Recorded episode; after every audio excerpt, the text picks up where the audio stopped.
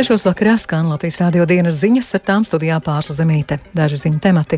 Izraels armija turpina bombardēt Gazas joslu. Krievijas zaudējumi pie Avģījevkas vieni no lielākajiem šī gada laikā. Latvijas bērndārzos un skolās samazinās Ukraiņu bērnu skaits. Daļai integrēties traucē valodas barjera. Izraels armija turpina bombardēt Gazas joslu. Masīva bombardēšana naktī, kas bijusi intensīvākā kopš 7. oktobra, pēc glābēja teiktā iznīcinājusi simtiem ēku.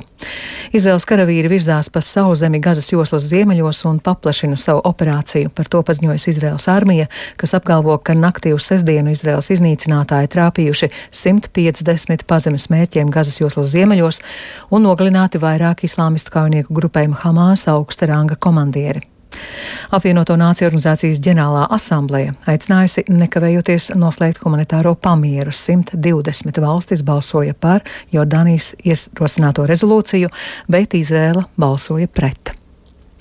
Krievija Donetskas apgabala Avģijevkas virzienā cietusi vienus no saviem lielākajiem zaudējumiem šogad, un politiskās vadības uzstādījumi par pilsētas ieņemšanu ir pretrunā ar Krievijas militāro spēku reālajām spējām. Pie šādiem secinājumiem nonākuši Britu izlūkdienesti. Plašāk stāsta Rihards Plūme. Krievija turpina veikt uzbrukumus Avdīvkas virzienā. Lai gan nesen ticis ziņots par ierobežotiem Krievijas spēku panākumiem, tomēr katru dienu ienaidnieks cieši ievērojamus dzīvā spēka un tehnikas zaudējumus. Ukrainas aizsardzības ministrs Rustems Umerovs sarunā ar ASV aizsardzības ministru Loidu Ostinu norādījis, ka Krievijas ofensīvas laikā pie Avdīvkas ienaidnieks līdz šim zaudējis aptuveni 4000 karavīru. Arī Ukrainas prezidents Valdemirs Zelenskis norādījis, ka Krievija cīņās par Avdīvku zaudējusi vismaz vismaz vienu brigādi. Saskaņā ar atklātiem avotiem Krievijas armijas brigādē var būt no 2000 līdz 8000 cilvēku.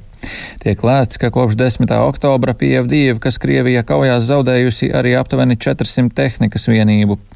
Brītu izlūkdienesti ziņojumā norādījuši, ka Krievijas vienības, kas piedalās kaujās pie Avdīvkas, iespējams cietušas vienus no lielākajiem zaudējumiem starp visiem Krievijas spēkiem šī gada laikā. Tiek atzīmēts, ka Krievijas militārie blogeri asi kritizē pavēlniecības taktiku. Britu izlūki norāda, ka Avdīvkā novērojams tas pats, kas iepriekš citviet Ukrainā, proti Krievijas politiskie līderi pieprasa sagrābt lielas teritorijas, taču militāra personas nevar nodrošināt efektīvu ofensīvu operacionālā līmenī. Zaudējumi, mirušie un ievainotie, protams, ir arī Ukrainas pusē.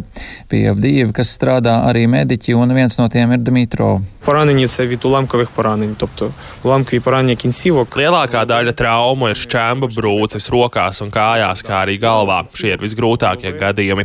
Citādi ievainoto nav tik daudz kā šobrīd. Pašlaik ir vairāk uzbrukumu. Viņi uzbruka arī agrāk, bet pašlaik viņi to uztver ļoti nopietni. To, ka situācija ir sarežģīta, atzīst arī majors Vitālijas Barapšs. Pašlaik daudzās frontes daļās ir grūti, īpaši Avdijevkā. Iespējams, šī ir šobrīd visbīstamākā vieta. Kā telefona sarunā ar Lielbritānijas premjeru Rišiju Sunaku norādījis Valdemirs Zelenskis, Krievija turpinās mēģināt okupēt visu Donbasu un iebrucēji vairāk kārt mēģinājuši ielenkt Avdijevku, taču katru reizi Ukrainas karavīri viņus aptur un atgrūž, radot būtiskus zaudējumus. Tikmēr Maltā šodien sākušās divu dienu sarunas par Kijevas atbalstītiem veidiem, kā izbēgt Krievijas sākto karu Ukrainā. Trešajās tāda veida sarunās, saskaņā ar Ukrainas prezidenta kancelējas vadītāja Andrija Jermaka teikto, piedalīsies vairāk nekā 65 valstis. Sarunas atbalsta Ukrainas prezidents, bet Maskava tās ir noraidījusi. Paredzams, ka Kijeva izmantos šo sanāksmi, lai gūtu atbalstu savam piedāvātajam miera plānam ar desmit punktiem. Šo plānu Ukraina virzīja arī iepriekšējās sarunu kārtās Džidā un Kopenhāgenā. Sarunas valletā notiks aiz slēgtām durvīm, un Maltas valdība nav sniegusi sīkāku informāciju par plānotajiem pasākumiem. Tomēr Ukrainas valdības preses pārstāvis sacīja, ka diskusijas būs par piecām galvenajām tēmām - enerģētiku, pārtiku un kodoldrošību, humānajiem jautājumiem un Ukrainas robežu atjaunošanu. Rihards Plūme, Latvijas radio.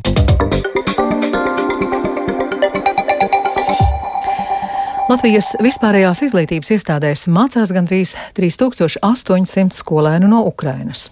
Viņu atbalstam valdība šodien lēma piešķirt 11,5 tūkstošu eiro privātajām izglītības iestādēm. Ar integrēšanos mūsu skolās Ukraiņiem veicas dažādi. Reizēm sadraudzēties ar citiem bērniem traucē valodas barjera. Stāsta Paula Dēvica. Šogad Latvijas pirmsskolās un vispārējās izglītības iestādēs mācās teju 3800 ukrāņu bērnu, par aptuveni 250 mazāk nekā pērn. Daļa no šiem bērniem ar ģimenēm devušies uz citām valstīm, bet citi atpakaļ uz Ukrainu. Piemēram, Rojas vidusskolā pagājušajā gadā izglītojās desmit ukrāņu bērni, taču šogad trīs skolēni, divi no tiem pirmsskolas programmās. Skolas direktore Santa Veida stāsta, ka daļu šo skolēnu bijis grūti motivēt nākt uz skolu, jo viņiem bijušas grūtības integrēties. Un kādēļ? Tādēļ, ka viņi nav īpaši motivēti mācīties latviski, jo viņi dzīvo ar domu, ka viņi katru dienu gaida, kad atgriezīsies dzimtenē. Un otrs arī tas, ka tomēr ne tikai šī valodas barjera latviski, bet viņi arī ļoti vāji angļu valodā runāja. Līdz ar to varbūt tas kontakts ar tiem mūsu jauniešiem neizveidojās tik labs, kā mēs cerējām, jo mūsējie bērni angļu valodā runā brīvi. Veida skaidro, ka konflikti gan skolēnu starpā nav bijuši. Vienkārši bijušas grūtības izveidot kontaktu. Turklāt rojā ir ļoti maz krievalodīgo, un vietējie bērni nezina arī krievu valodu, tā stāsta direktori. Savukārt Jēlgavas pārlielupes pamatskolā mācās 47 skolēni no Ukrainas. Šeit Ukraiņu bērniem sokas vieglāk, jo tā ir mazākumtautību skola, stāsta direktore Ilze Arbidāna šie ukraiņu bērni ir iekļauti klasēs ar latviešu mācību valodu, nu, un šogad tā kā septītās klases pāriet arī uz vienotu skolu, mazākuma tautību programmas, tad šie bērni ir šajā septītajā klasē, un tad mums ir atsevišķa klase, kurā mācās tikai ukraiņu skolēni, tā ir apvienotā 8. 9. klase šogad. Arbidāna neslēpja, ka arī šie bērni saskaras ar motivācijas trūkumu, turklāt daudzi paralēli paralēli attālināti mācās Ukraiņu skolās. Bez vispār izglītojošām skolām daudzi Ukraiņi iejūtas arī mūsu augstākās izglītības sistēmā. Turklāt Latvijas universitātē šobrīd norisinās intensīvs apmācības projekts Ukraiņas studentiem Eiropas Savienības studijās. Universitātes studentu padomas vadītāja Eva Borska stāsta, ka Ukraiņi ir aktīvi ne tikai studijās, bet arī ārpus studiju aktivitātēs noteikti pavada gan paši, gan arī tiek piedāvātas dažādas aktivitātes. Studējošiem ir pieejami arī universitātes piedāvātās dažādas kultūras aktivitātes un sporta aktivitātes, ko mums piedāvā gan kultūras centrs, gan sporta centrs. Tāpat arī šobrīd, piemēram, notiek organizatoriskie darbi, labdarības koncerts ar mēģi savākt ziedojumus tieši Ukrainas bēgļiem. Labdarības koncerts notiks decembrī. Paula Dēvica, Latvijas radio. Šogad no uzturlīdzekļu garantijas fonda jau izmaksāti 32 miljoni eiro, un no tiem atgūta aptuveni trešdaļa. Katru gadu atgūto uzturlīdzekļu apjoms palielinās. Tas notiek galvenokārt pateicoties dažādiem liegumiem nemaksātājiem, piemēram, liegums vadīt transporta līdzekli vai ieņemt noteiktus amatus. Pozitīvi, ka ik gadu samazinās arī parādnieku skaits. Šobrīd tādi ir gandrīz 42 tūkstoši cilvēku. Turklāt ierobežojumi kļūst vēl vairāk, skaidro fonda juridiskās daļas vadītāja Linda Parāne.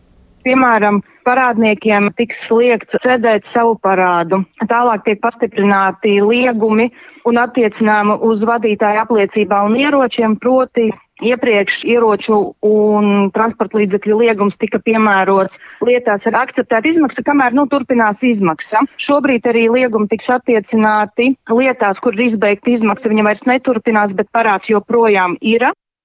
No uztur līdzekļu garantija fonda izmaksājumās naudas apmēru turpmāk pārskatīs reizi trīs gados, ievērojot valsts budžeta iespējas. Tā lēmusi saima. Turpinājumā par sportu. Šovakar gaidāms viens no gada nozīmīgākajiem sporta notikumiem, proti pasaules kausa regbijā lielais fināls. Bet kādi rezultāti jau sasniegti, par to visu stāsta Māris Bergs. Ar uzvaru NBA sezonu šorīt turpināja Kristaps Porziņš un Bostonas Celtics, kas ar 119-111 apspēlēja vienus no saviem galvenajiem konkurentiem austrumos Miami Heat. Porziņš šoreiz laukumā pavadīja 30 minūtes, viņam sakrājot 17 punktus, 9 atlikušās bumbas un arī 3 pārtvertas bumbas.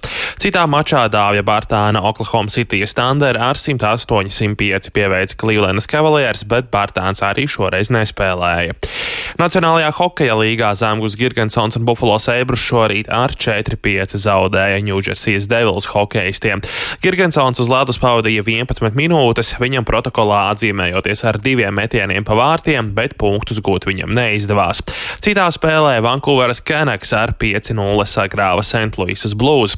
Vankūveras komandas galvenais treneris Rīks Tokets sarunā ar kanādiešu žurnālistiem pauda, ka Teodora Bļugera atlapšana noritot pēc grafika, un viņš drīz atsāks slidot treniņos. Yeah, so Teddy had, uh, another... Tedijam veikts atkārtots rengens un atlapšana norit pēc grafika. Izskatās labi un domāju, viņš drīz varēs atsākt slidot. Neteikšu, vai tas būs rīt, bet tas būs drīz. Tomorrow.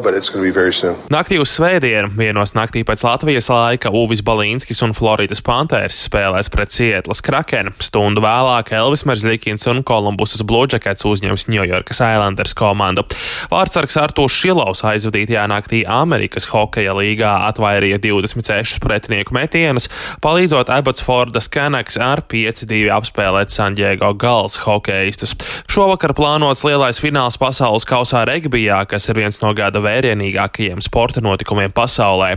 Lielajā finālā par titulu cīnīsies pašreizējie pasaules čempioni Dienvidāfrikas Republika, kas spēlēs pret iespējams slavenāko regbija izlasi pasaulē Jaunzēlandi. Sporta žurnālists un regbija spēlētājs Raimons Rudzāts sarunā ar Latvijas radio norādīja, ka viņa prāta nedaudz spēcīgāka ir Jaunzēlande, taču viņš uzsver, ka abām komandām ir ļoti atšķirīgas stiprās puses un svarīgi būs tās, kura komanda uzspiedīs savu stilu. Man liekas, ka viņiem tomēr ir vairāk tādi arī no spēles organizācijas viedokļa, vairāk trumpi viņu kavā nekā tie ir Dienvidāfrikai. Komandas stilos ir ļoti atšķirīgs patiesībā. Un jautājums ir, kura komanda uzspiedīs savu vēlamo spēles manieru. Dienvidāfrika ir izteikti aizsardzības karaļi fenomenāla aizsardzības komanda. Tiešām es tādu pēdējos piecus gadus neesmu pieredzējis. Bet uh, Jaunzēlandē ir krietni labāks un radošāks uzbrukums. Spēles sākums stāde Frances stadionā ieplānots desmitos vakarā. Latvijas futbola virslīgas 34. kārtas pirmajā mačā svarīgu uzvaru nosargāja Liepāja, kas ar 1-0 pieveica tukumu. Ar rezultatīvu sitienu 36. minūtē Liepājas labā izcēlās Mustafa Dio, un uzvara Liepājai ļauj saglabāt labas izredzes pacīnīties par trešo vietu, kā arī par Eiro kausu ceļa zīmi nākamajam gadam. Dienas otrajā mačā ķekavas Auda ar 2-0 pieveica Jālgavu, un arī Auda turpina cīņu par trešo vietu virslīgas noslēgumā. Sporta ziņās man šobrīd tas arī viss. Un vēl naktī uz svētdienu pulksteņa četros pulksteņa rādītāji būs jāpagriež stundu atpakaļ.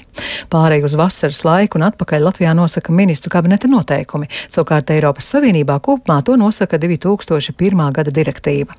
Lai arī iepriekš Eiropā ir bijušas diskusijas par nepieciešamību pārskatīt pulksteņa pārregulēšanas kārtību, tomēr šobrīd joprojām ir spēkā iepriekš apstiprinātā kārtība. Stāsta Sintija Ambote.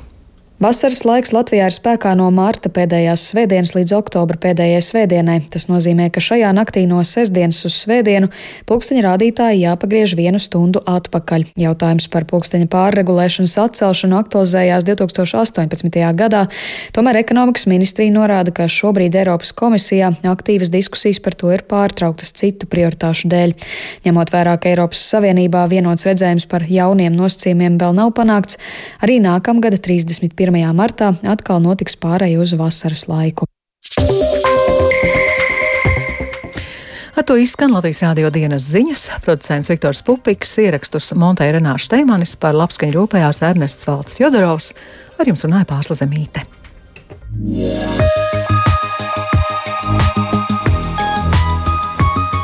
Latvijas vidas geoloģijas un meteoroloģijas centrs informē Rīgā pat labāk 2 grādi, austrumu vējš 2 m2, gaisa spiediens 756 mm, gaisa relatīvais mitrums 71%. Latvijā būs mākoņains, brīžiem skaidrosies, vietām neliela nokrišņa, galvenokārt sniegs, austrumos arī atkala. Rīt vakarā no dienvidu rietumiem Latvijas sasniegs jauna nokrišņu zona, rietumos gaidāms slapjš sniegs, lietus, atsevišķos posmos ceļi būs slīdeni. Naktī lēns vējš, dienā dienvidu dienvidu austrumu vējš 3 3,8 m2. Gaisa temperatūra naktī 0,5, vietām piekrastē 0,2, dienā plus 1,6 grādi. Rīgā pa laikam slapjš sniegs, sniegs, gaisa temperatūra naktī 0,1, dienā plus 3,5 grādi.